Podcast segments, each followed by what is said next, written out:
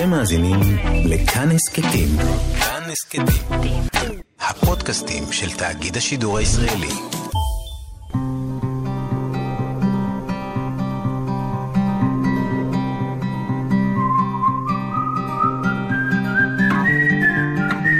אחת פלוס חמש. אורחים וספרים עם ענת שרון בלייס. בטווח ארוך זה הדרך שבה מודדים תרבות. בואי נחשוב 50 שנה קדימה, 100 שנה קדימה. העבודה היא שלנו, אנחנו שומרי הסף של עצמנו במובן הזה שאנחנו צריכים להקשיב. להקשיב, להקשיב, להקשיב ולעבוד את הדבר שאנחנו מחויבים לו. אני מאמינה בזה, אין לי פשוט יכולת להאמין בשום דבר אחר. יכול להיות שיש דבר אחר נכון. אני, נועה, לא יכולה להאמין בדבר אחר. אני מצרה על זה ששומרי הסף היום הם בעיקר שומרי סף אתיים ולא אסתטיים. אבל זה גם משתנה, צריך הרבה סבלנות בעולם הזה. שלום נועה שקרג'י, משוררת, חוקרת שירה ואינטרנט במחלקה לתקשורת באוניברסיטה העברית, מנהלת שותפה של מקום לשירה בירושלים, ואין פה ספר שירה אחד, חוץ מהספר שלך. הייתי בטוחה שכשאני אומרת לך חמישה ספרים, דבר ראשון את מתייצבת פה עם אה, ארון הספרים השירתי שלך. לא, אז אני אפתח ואגיד שזה... אה, זו התוכנית רדיו האהובה עליי, ולמעשה אני שומעת אותה תמיד כשאני עושה קניות, לכן יש כל מיני ספרים שקשורים אצלי למחלקת הגבינות, לכל מיני 아, אה, מחלקות אוקיי. כאלה, לפי איפה ששמעתי אנשים מדברים עליהם. וזה היה בלתי אפשרי להכין אה, ליום הזה חמישה ספרים שאני אוהבת, אז אמרתי, טוב, קודם כל את השירה נוציא, ואז אולי זה יהיה הגיוני. אז אה, באמת אין לי פה שום ספר שירה. אז זה פשוט לא. החוצה. ואז החוצה, ואז אנחנו נסתדר עם הפרוזה, ודרך זה נגניב את השירה. טוב, אנחנו בכל זאת נתחיל עם שירה, כי בימים אלה פרסמת ספר אינטרנטיקה, מחקר שלך, של תורת השירה בעידן האינטרנט, ואת מתבוננת ברשתות החברתיות, במסקים, בבלוגים.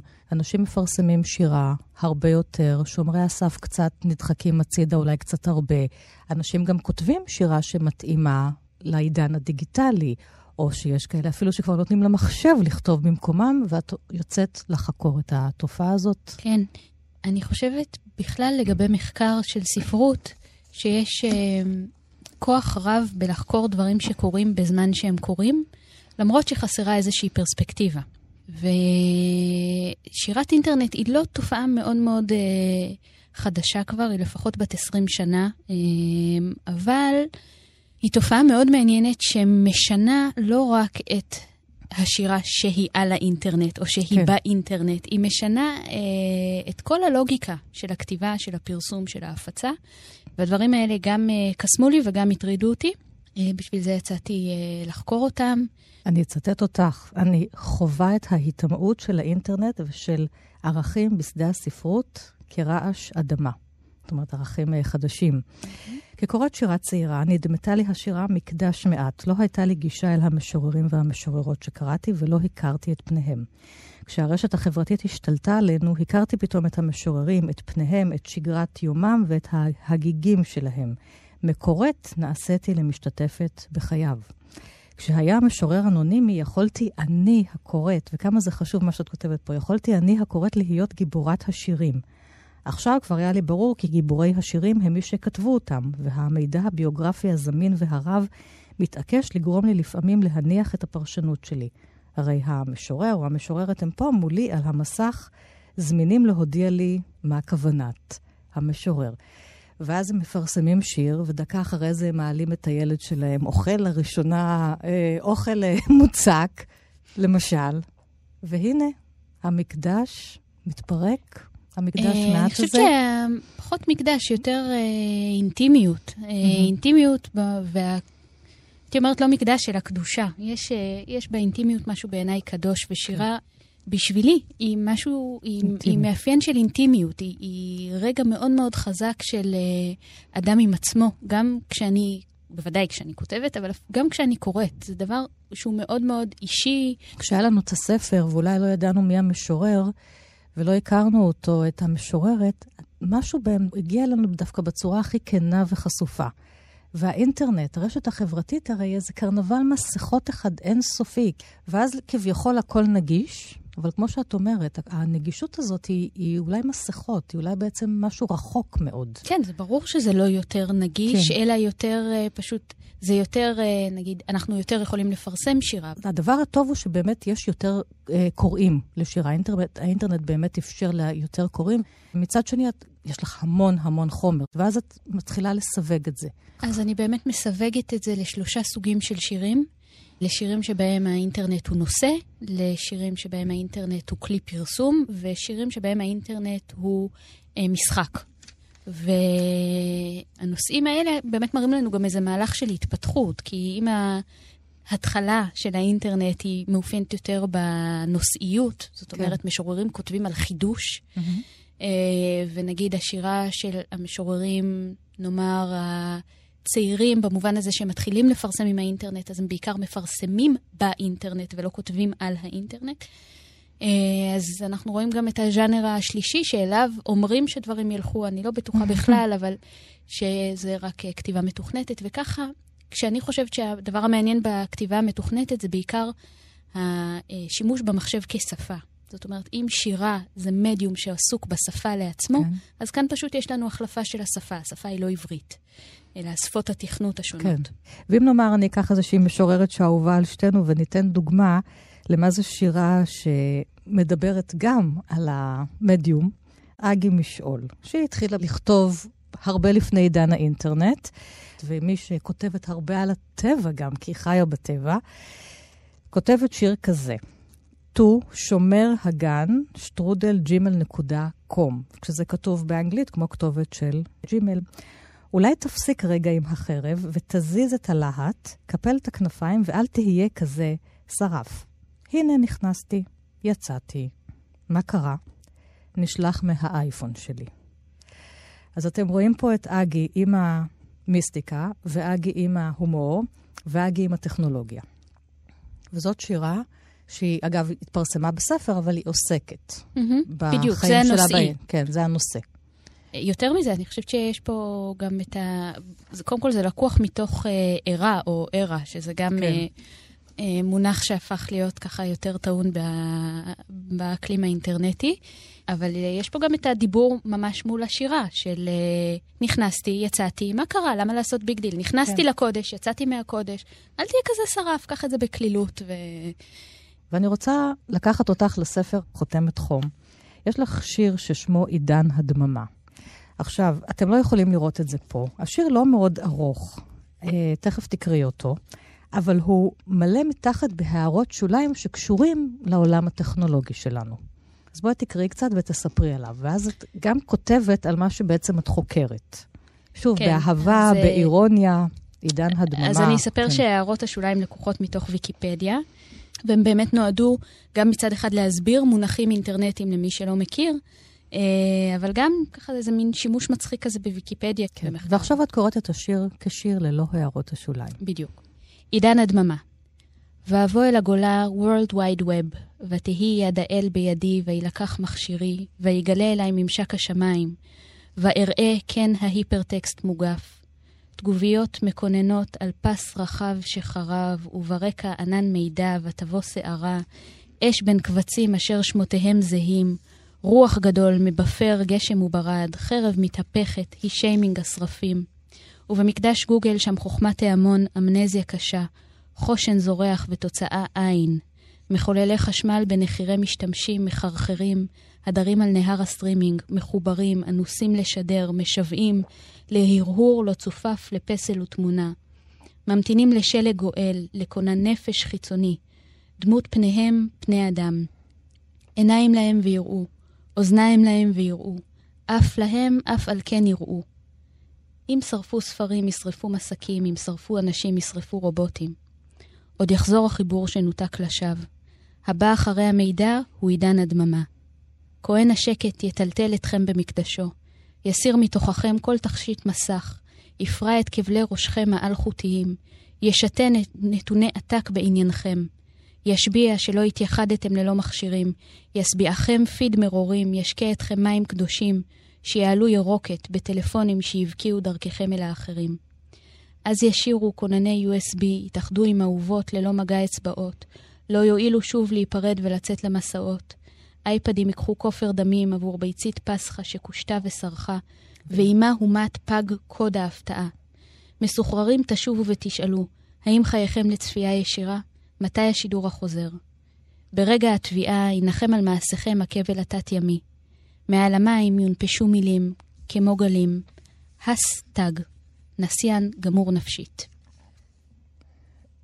אני שואלת אותך עכשיו, כמי שמנהלת בית ספר לשירה ומלמדת, וימייך uh, כרוכים בשירה ובספרי שירה, כמורה, כקוראת, כעורכת, את עורכת ספרי שירה של מקום לשירה. ואז, אם זה לא מספיק, את פותחת את הרשת החברתית ונופלים עלייך ערימות של שירים. כמו שאני כעורכת פה ברדיו, נופלים עליי ערימות של ספרים, ולפעמים אני אומרת, די, אני לא רוצה לראות יותר שום שיר. אם אני מגיעה לרגעים האלה, כן. אני לא מגיעה אליהם מול טקסטים. אני, יש לי, יש לי רעב אינסופי לשירה.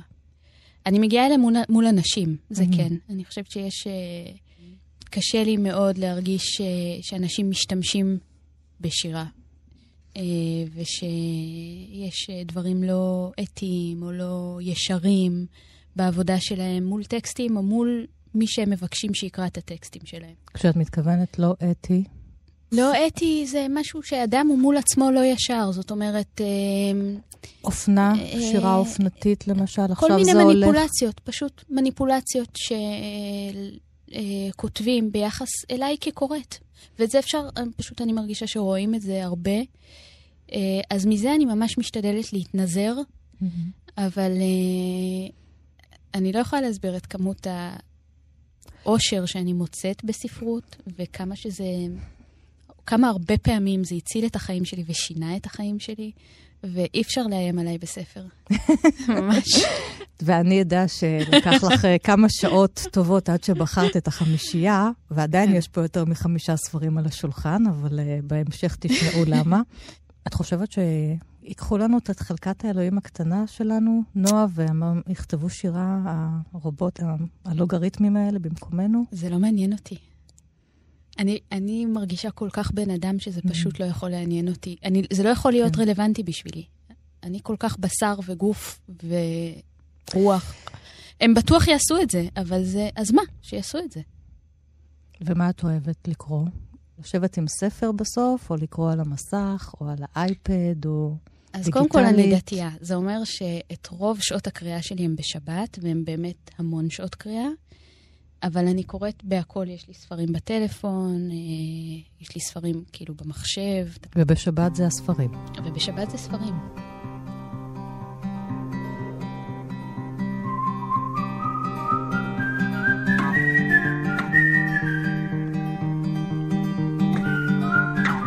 אז אנחנו נתחיל לצאת קדימה. ככה למסע של החמישייה שלנו. איתי באולפן המשוררת ומנהלת שותפה של מקום לשירה בירושלים, וחוקרת של אה, שירה ותקשורת, נועה שקרג'י, ואיך לא, נתחיל עם ניסים ונפלאות. ברור. אם אנחנו מדברים על שירה, זה ניסים ונפלאות. הספר אה, של לאה גולדברג, על כן, ניסים. אז, אה, אז זה, זה ספר... ניסים זה ילד, ונפלאות זה קוף. זה קוף. אז יש לזה סיבה, כשהייתי ילדה סיפרו לי שנועה זה ניסים ונפלאות עשה השם. ככה, גדלתי עליה גולדברג, אם זה ידידיי מרחוב ארנון, וכמובן אה, אה, ניסים ונפלאות. ואני חושבת שבספר הזה, מה שמאוד מאוד מצא חן בעיניי, זה התחדישים הלשוניים. גם אה, דוקטור כלום בראש, שהיה אה, חבר קרוב שלי, וגם דודה של שומיש, כמובן, שזה כן. הסיפור שלה. דמויות בספר. דמויות בספר, כן. את יודעת שהסתכלתי על זה אתמול לפני שהגעת לכאן, וראיתי שהיא כתבה אותו ב-1938. זה ערב מלחמת העולם השנייה, ואחר כך השמדת העם היהודי, והיא היא התחילה את זה בכלל כסיפור בהמשכים בדבר, בדבר לילדים, ואחר כך זה הפך רק בשנות ה-50 לספר. וזה גם אה, ספר עם מודעות כזאת של הילדים שגרים בפריפריה, או בשכונות הפחות טובות של תל אביב. ולאה גולדברג רואה את ניסים. אנחנו בטח יודעים את זה עליה כמשוררת, אבל גם כסופרת ילדים, היא דקת הבחנה ומלאת רגישות, והיא מלמדת אותנו איך לראות את העולם. זאת אומרת, אני זוכרת בתור ילדה שזה קרה לי את הלב שהיא דודה של שומיש, והייתי אולי בת שבע, אולי משהו כזה. ו... הבדידות הזאת. זה גם הבדידות, אבל גם החוכמה הגדולה שטמונה בכאב, ש... בכאב, כאילו, היכולת האדירה להפוך אותו לכוח עצום. ואני חושבת שהיא גם הייתה כבר דוקטור בשלב הזה, אז גם דוקטור כלום בראש זה יפה מאוד. זאת אומרת, יש בזה איזה מין מחשבות מאוד חכמות שיש בהן, כן. יש בהן כאב, אבל הם... זה כמעט קלישאתי להגיד שכאב זה דרך ליצירה וככה, אבל אני זוכרת שאני ממש חשבתי שהיא גאון לראות את הכאב שלה ולהפוך אותו לכזאת, אה, לכזאת יצירה מופלאה, שאחרי זה לחשוב... לכולם, לגדולים ולקטנים. כן, כן, כן. טוב, כשתהיי דוקטור... דוקטור כלום בראש, אני מבקשת... אני קוראת לך דוקטור כלום בראש. טוב מאוד. אז מה את קוראת מהספר הזה? אז אני אקרא רק אה, אה, שתי פסקאות לגבי ההתעטשויות של אה, הגברת. חלק מתוך פרק ב' בדילוגים. אז היא אומרת, כידוע, אין האנשים נוהגים לקבל נזלת בראשית תמוז. ימי תמוז הם ימים חמים, וכי שמעתם שמתקררים מחום, אבל על הנזלת שלי אין מקשים קושיות. היא קיימת תמיד, זאת אומרת, היא כנראה אלרגית, ולכן קוראים לה הרופאים בשם נזלת של כל הזמן. ובכן, בוקר אחד בראשית תמוז התעוררתי והרגשתי כי יום יתושים נועד לי. אך לא הייתה ברירה בידי להילחם באפי המתעטש. החלטתי לקום ולגשת לעמלי כמעשה יום-יום. ומעשה יום-יום מה הם? מעשים שונים ומשונים. קצת עבודה במשק ביתי וקצת כתיבת סיפורים לילדים, אך בראש ובראשונה עליי להשקות את צבא הצברים שעל עדן חלוני. אה, ומי שמכיר קצת, אז היא באמת הולכת ומשקה, ואז יש לה עטישה, אבל איזו עטישה? קולה מקצה הבית ועד קצהו? ובגלל זה הילדים פתאום הם לא חברים שלה, הם כותבים עליה שיר, אל האף נכנס יתוש, מן האף יצא יתוש, ונפל עציץ עם ברוש לכולנו על הראש. והיא אומרת, אינני רוצה לדבר על תוכן השיר. הרי רואים אתם בעצמכם כי תוכנו שקר וכזב. ראשית לא היה כלל יתוש, הייתה פשוט נזלת. שנית, העציץ לא נפל על הראש, אלא על המדרכה הצרה שמתחת לחלוני. והברוש, הרי זה סתם לשם החרוז, וכי מי מגדל ברושים בביתו? והייתה זאת מלכת הלילה, מלכת הצברים. אבל נניח לו לתוכן אותו השיר. דעתי היא שעצם העניין של שירי הסתה ושיסוי איננו עניין יפה ביותר. ו- וכן הלאה. אה, נעצור פה, כי זה מתחבר לאינטרנט, שירי הסתה ושיסוי. זה גם הפך מעניין. להיות מאוד אופנתי מאז שיש אינטרנט. דברים שפחות זה... היו כשהיו רק ספרים. זו, זו הייתה נחמה גדולה עם מה שהיה באינטרנט, זה אל האף יצא יתוש, האף נכנס יתוש, מן האף כן. יצא יתוש, אבל אה, לא יודעת אם, אה, אם שירי שיסוי הייתי אומרת, אבל... אבל מה שברור זה שהאינטרנט יצר קהילתיות, וכל קהילה רבה בקהילה עם הקהילה אה, שאינה היא. יש בזה טמטום גדול, באמת, כלום בראש בשיאו, זו דעתי. אני חותמת על מה שאת אומרת.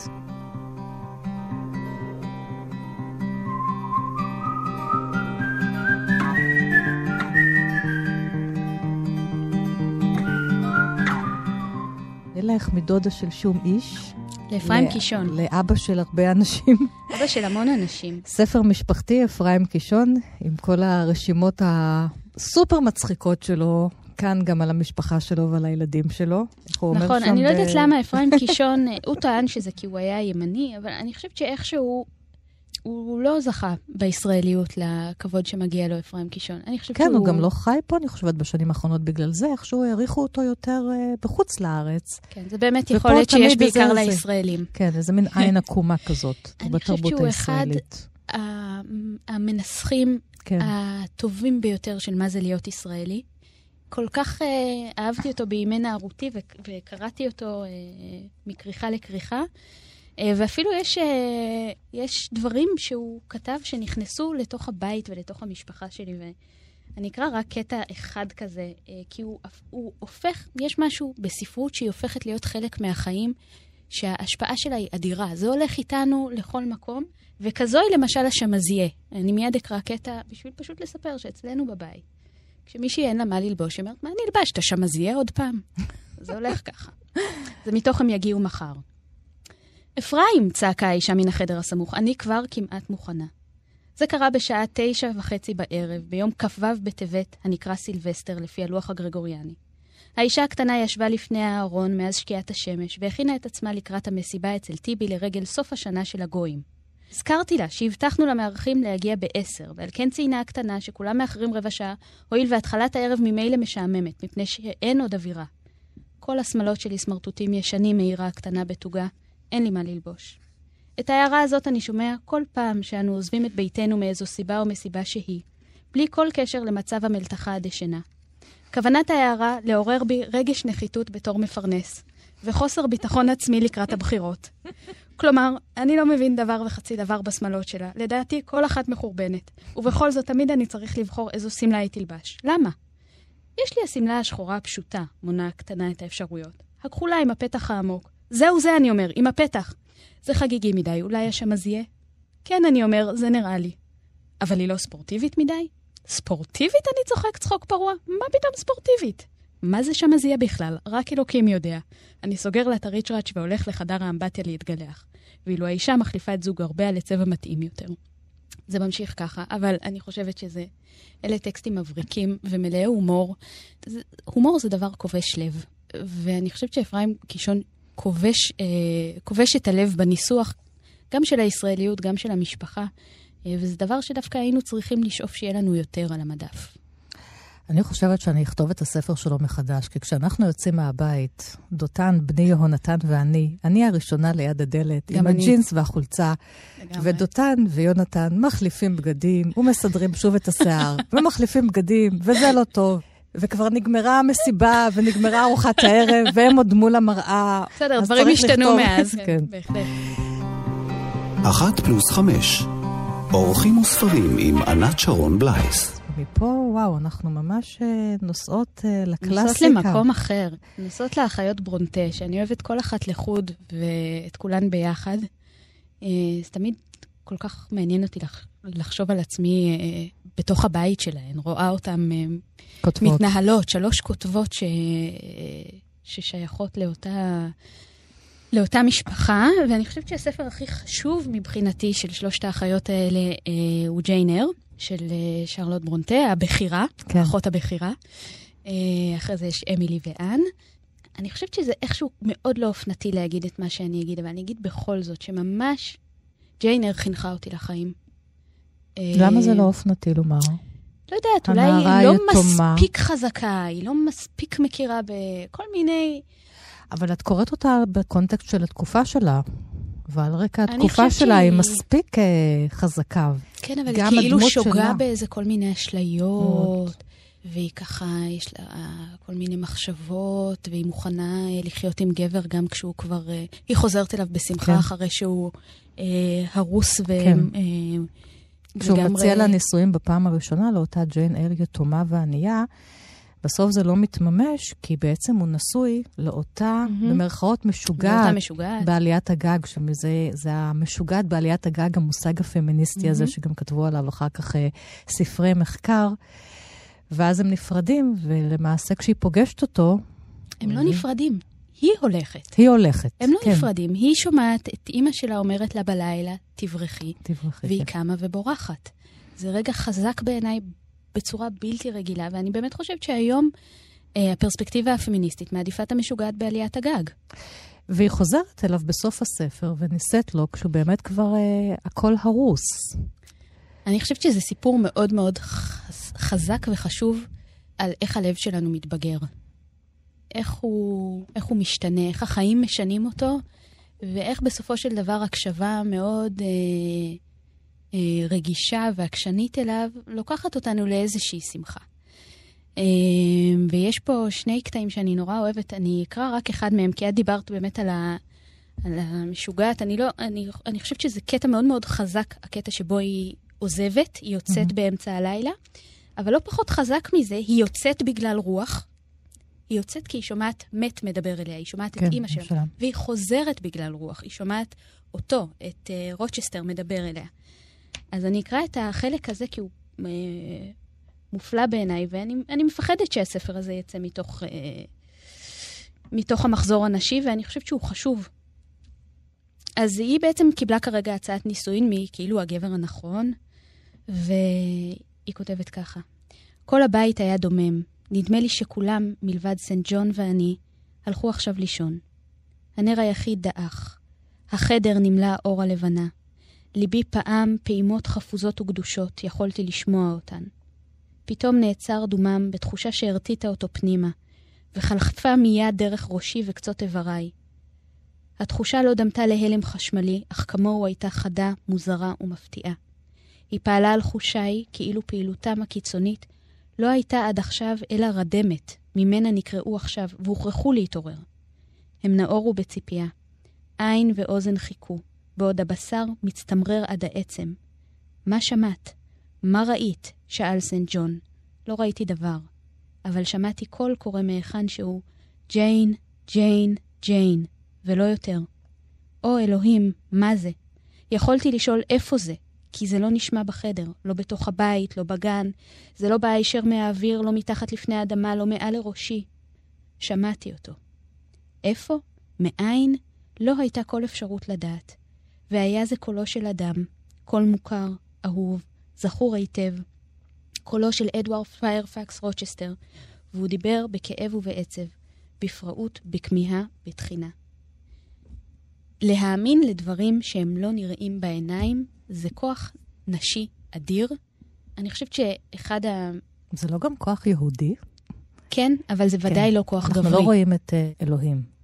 נכון. ואת uh, אישה נ... דתייה. נכון, אבל נשים, יש בהן, דווקא הדבר שעליו הן הרבה פעמים מלגלגות, יש להן איזושהי רגישות מאוד מאוד גדולה לקולות כאלה, ואני חושבת שזו רגישות שצריך לפתח אותה, וצריך מאוד מאוד להיזהר בדבר הזה, לא, לב... לא לבקש להידמות לאף אחד אחר. ממש ללכת בעקבות האוזן הזאת, כי זו אוזן שכוחות גדולים של החיים קורים שם.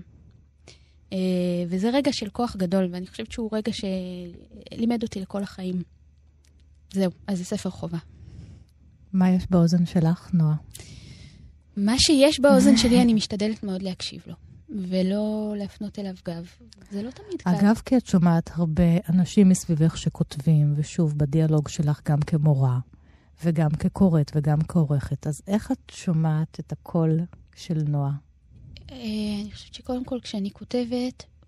כי יש סביבך כל כך הרבה קולות שירה. זה דווקא פועל יוצא של שקט. כאילו, זה בדרך כלל... אה, זה בדרך כלל קשור במוזיקה, וזה בדרך כלל קשור בהליכה. מוזיקה של, הלשו, של הלשון. של מה שבא. של, כן. המוזיקה של מה שבא. של המילים. של המילים שבאות. וזה זה כמו, זה כמו משהו אחר, זאת אומרת, יש את העבודה. והעבודה זה באמת הרבה מאוד קשב לאנשים אחרים.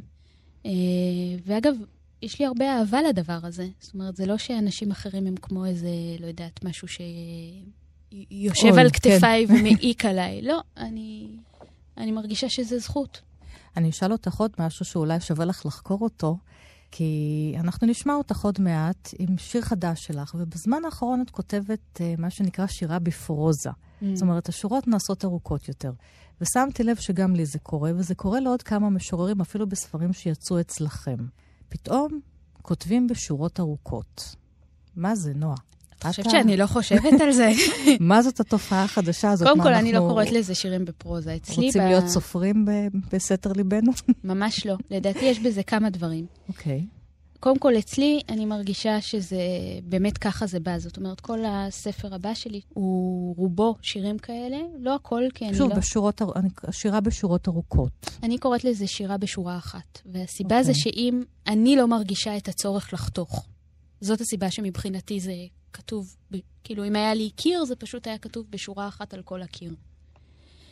אני גם חושבת שיש בזה איזושהי תנועה של התנגדות, כי אפרופו טכנולוגיה, הטכנולוגיה הפכה כמעט כל שדר טקסטואלי לשיר, ואני חושבת שיש בזה תנועה של התנגדות.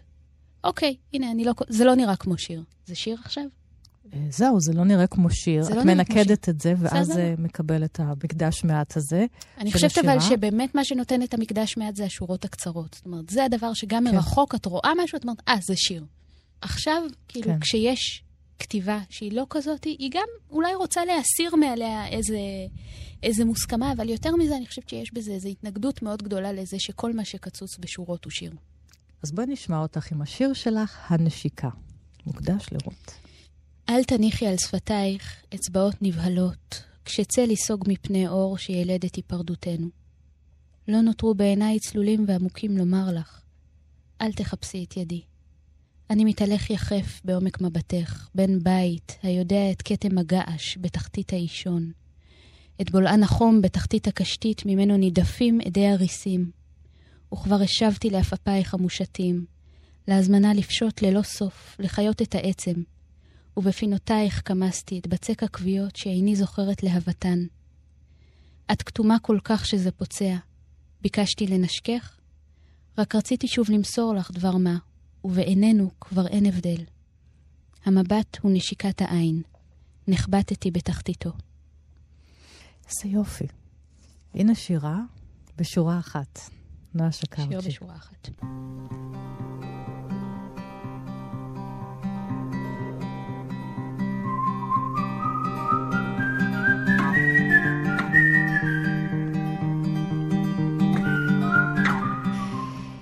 ואנחנו עם הספר הרביעי, נכון, אנחנו יעל. אה, נאמן.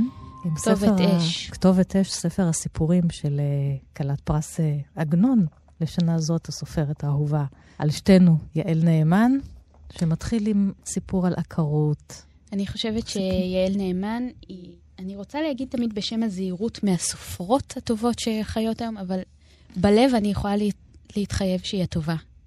אה, אני מאוד מאוד אוהבת את, ה, אה, את כל הספרים שלה למעשה, אפילו את הספרים המוקדמים שהיא פחות מחשיבה אותם, וככה אני אוהבת את האופן שבו היא תמיד מחפשת לספר את הסיפור מחדש.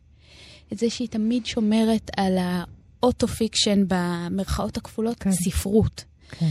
והיא כל כך חכמה ומצחיקה, אני קוראת אותה ואני, בעיקר בספר הזה, אני צוחקת, אם זה במחלקת הלקטוריות, אה, או הסיפור- בעקרות שהזכרת, שהוא נפתח בשתי השורות המבריקות, ילדים לא היו לנו, מי שמחפש סוף טוב לא ימצא אותו כאן, שלום. זה הכל, זה מה ש... אה, והסיפור אחר כך, מחלקת הלקטוריות, שבסוף אומרים להם להוציא מהסיפור את את התינוק. התינוק. את כן, התינוק, זה, זה מה. שצריך, להוציא מהסיפור כדי שהוא יהיה טוב.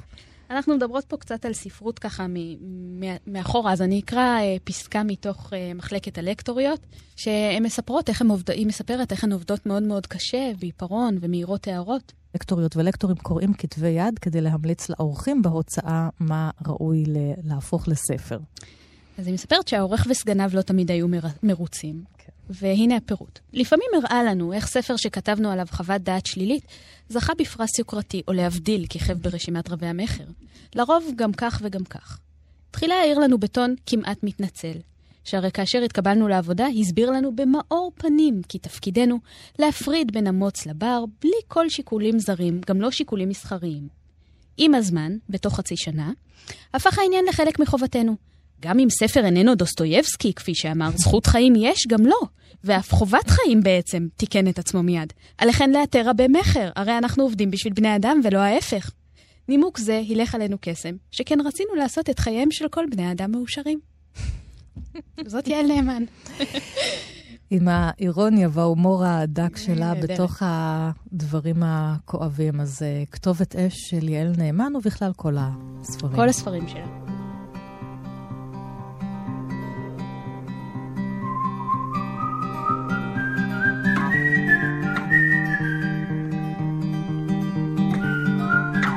והבחירה החמישית שלך בעצם אה, דורשת מאיתנו להיות עם שני ספרים בו נכון, זמנית. נכון, נכון. ספר התפנית של סטיבן גרינבלט, שעוסק במציאה של ספר עתיק של לוקרציוס, ולכן שני הספרים פה. נועה בערמומיות משוררית הצליחה להחדיר לך ספר שישי. באמת אה, רציתי לבחור אה, ספרים שככה, באמת היו כן. נקודות משמעותיות בלהכיר את הספרות. והתפנית, יש לי איתו סיפור מעניין, הייתי בפירנצה באיזה רגע מאוד מאוד נמוך בחיים, ב- לפני אה, ארבע שנים, אני חושבת, והייתי באופיצי, המוזיאון. והמוזיאון, ואיזו אישה שבחנות מזכרות ניגשה אליי ואמרה לי, שאני חייבת לקנות את הספר הזה שנקרא The Swerve ולקרוא אותו, זה ישנה לי את החיים. ואני שככה בקושי הייתי מסוגלת לחייך לאדם, אמרתי לה, בסדר, בהזדמנות, בהזדמנות. אני אחזור הביתה, אני אקנה אותו באמזון. והיא לחצה ואמרה לי, את חייבת לקרוא אותו, אני רואה אותך, את צריכה לקרוא אותו. חזרתי הביתה, שכחתי מההבטחה שלי, וכעבור אה, חצי שנה יצא הספר הזה בעברית, וקיבלתי אותו מתנה. זה קורה לך מה שקורה בג'יין אייר, את מבינה? הקולות רודפים אחריי. אם מקשיבים זה קורה לכולם, זה לא קורה. רק לי. ועל הכריכה שלו יש ציור של בוטיצ'לי. נכון. ציור של האביב, נכון? אנשים, הפרימ, כן. הפרימוורה, הפרימוורה. האביב, כן. אה, אז זה ספר מדהים. אה, מהרבה סיבות הוא שינה לי את המחשבה, גם בגלל שהוא מספר, זה בעצם ספר מחקר, אבל הוא כתוב כרומן, ומספר אה, את הסיפור של מציאת, מציאת הפואמה על טבע היקום של לוקרציוס, שזה אגב טקסט שיש לי איתו הרבה יחסים גם לפני כן. הוא מספר בעצם פשוט על נזיר בשם פוג'ו, שמוצא בספרייה של פולדה את ספר. הפואמה הזאת. זה, הוא מוצא את זה בשנת 1417, את נכון. הפואמה הזאת שנכתבה לפני איזה אלפיים שנה, יותר אפילו. נכון. ונחשבה אה, לעבודה. והפואמה הזאת, למה שהיא מאוד מאוד עניינה אותי? כי כאילו זה טקסט ש... לא כאילו, זה טקסט שמסכם בעצם את המשנה של אפיקורוס. ואפיקורוס, כמו שכולנו יודעים, הוא לא הידיד הגדול של היהדות, אה, משום שהוא ניסה מאוד להרחיק, אה, אני חושבת, ב... מהפחד שדתות מייצרות, מהפחד והשליטה שלהם בבני אדם. ואני, כשקראתי את הפואמה הזאת, שהיא באמת אחד הטקסטים שאני קוראת הכי הרבה, אה, פשוט גיליתי שזה לא נכון, שהוא אומר המון המון דברים שהם לגמרי מתאימים לכל מה שאנחנו לומדים ביהדות, ומה שהוא רוצה זה לשחרר אנשים מפחד, וזה דבר מצוין, אבל אה, אין לי שום בעיה שיקראו לי אפיקוראית, ואפילו שאני אישה דתייה, אין, אה, אני מסכימה איתו, אני חושבת שהוא כל כך חכם, כי יש אלף דברים כאן שהיום אנחנו יודעים אותם, והם דווקא פועל יוצא של מחשבה ניו אייג'ית, כמו שלכל אדם יש את התזונה שמתאימה לו. אבל אנחנו רואים אותו כאן כבר מדבר על זה. או לדוגמה, שחרדה זה הרגע שבו הנפש מתנתקת מהגוף, והוא מדבר על זה, הוא מדבר על זה במונחים של הלם. או האופן שבו אנרגיה עוברת מאדם לאדם, והוא מדבר על זה. על טבע היקום קוראים לפואמה הזאת. נכון, אה, תורגמה על ידי שלמה דיקמן. הספר הזה כרגע פה מלא, מלא, מלא, מלא מדבקות צבעוניות לא, קטנות של אה, נועה. כן. הדביקה כמעט בכל קודם כל, יש לו כמה משפט עמודים. שדליה רביקוביץ' אה, ירשה אותו. אין עצמים נשברים בלעדי הריקות שבחומר, שזה אפילו סלעים נשברים, אני אומרת לך. ועכשיו תבחרי, כן, מתוך זהו. הספר לא, לא, הענק אז הזה, ה- מה לקרוא. אז, אז אמרנו אלוהים, אבל בלי פחד. בלי פחד, כן. כאילו הוא רוצה, הוא רוצה לומר שאין חיים אחרי המוות, אבל בסדר, יש כל מיני דרכים להבין את האמירה הזאת. לא צריך, אה, לא צריך בכל דבר להיות אה, כל כך חמורים. על קיומה של הנפש, גופנו מגן מכל עבר. כך גם הנפש שבנו, אף היא על גופנו שומרת. שורש אחד לשניהם, אחדותם יציבה ומוצקת. רק במותם של השניים, יופר, יתפרט זה הקשר. אין לך ריח של קטורת, אם לא תשרפנה בלהב. עצם גופה יישמד, ואועז את ריחה היא נותנת. כך לא תוציא מן הגוף את הנפש, ולא את הרוח, כי בצאתם יהרסו את הכל, ינתקו את חיינו. גופיפיהם משתלבים ומיום היברעם לא נפרדו. קשר אחדות יהדקם, ועל כן קיומם משותף הוא. אין להם רגש נפרד, האחד לא ירגיש בלי רעהו. חוש הרגשה מאוחד מקשר את הגוף עם הנפש. והוא ממשיך וממשיך, אבל רק כדי לטעום גם מהחוכמה שבו, גם מזה שזו בעצם פואמה שבאה לנסח את עקרונות החיים ולומר שהחשוב ביותר הוא ההנאה. ואנחנו לא מדברים על ההנאות המזיקות, שזה כל הדתות, וגם לוקרציוס וגם אפיקורוס שוללים, אלא ההנאות הטובות של החיים. אה, ולשים את ההנאה הטובה בראש סדר העדיפויות שלנו, זה נראה לי חשוב מאוד,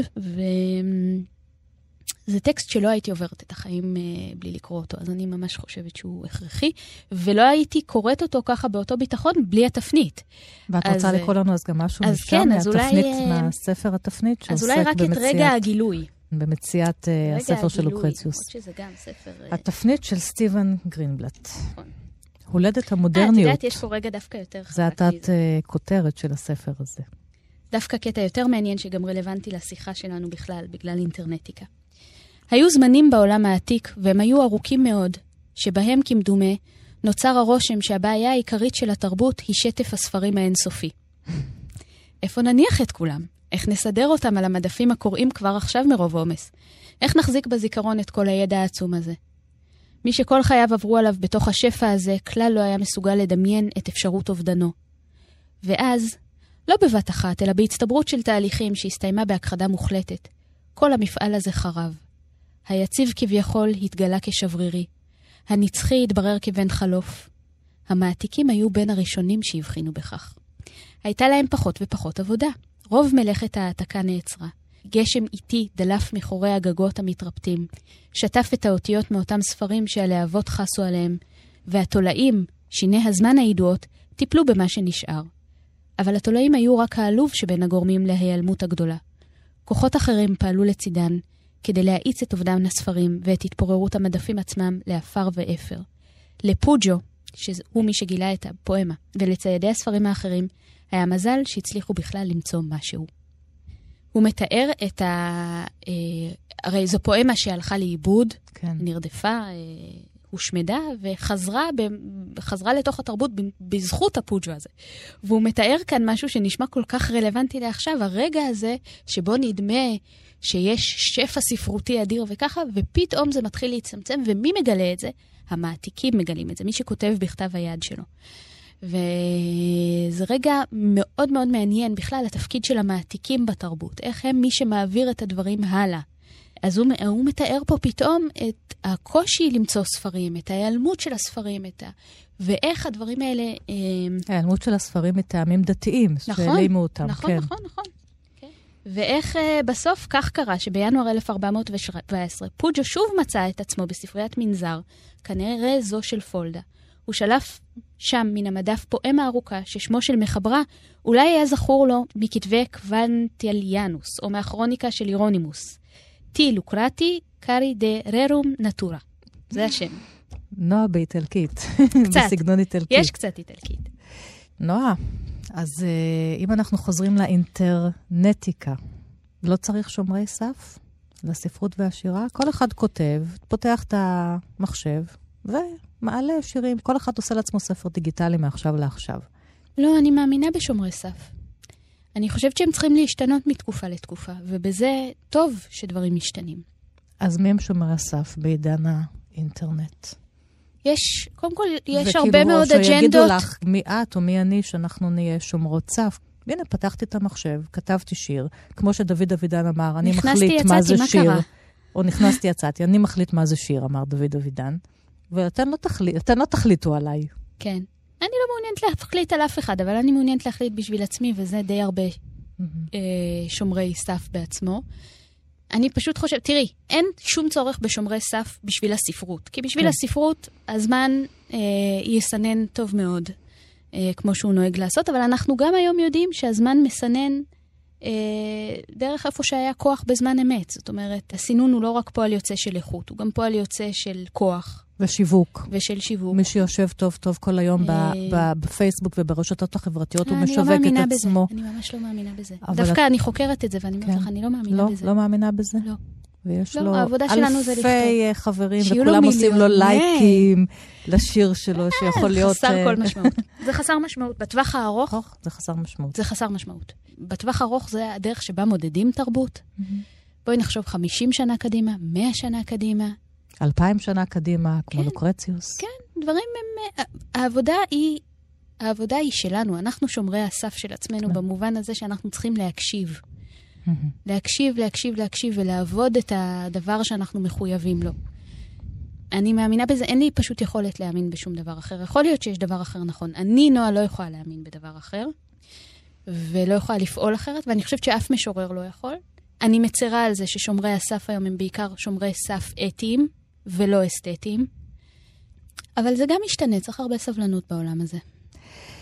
נועה שקרג'י, המשוררת, חוקרת שירה ותקשורת, הספר החדש שלך, ספר מחקר, אינטרנטיקה. שירה בעידן האינטרנט, ראה אור במוסד ביאליק, ואת מנהלת שותפה במקום לשירה בירושלים, מלמדת שירה, קוראת שירה, מקשיבה. תודה שהיית פה והגעת עם הספרים שאת אוהבת. לי קוראים ענת שרון בלייס, וכל תוכניות 1 פלוס 5 תמיד זמינות לכם בעמוד ההסכתים של תאגיד השידור, עוד פרטים בדף הפייסבוק של כאן תרבות וגם בדף שלי. תודה לכם ולהתראות. אתם מאזינים לכאן הסכתים. כאן הסכתים. הפודקאסטים של תאגיד השידור הישראלי.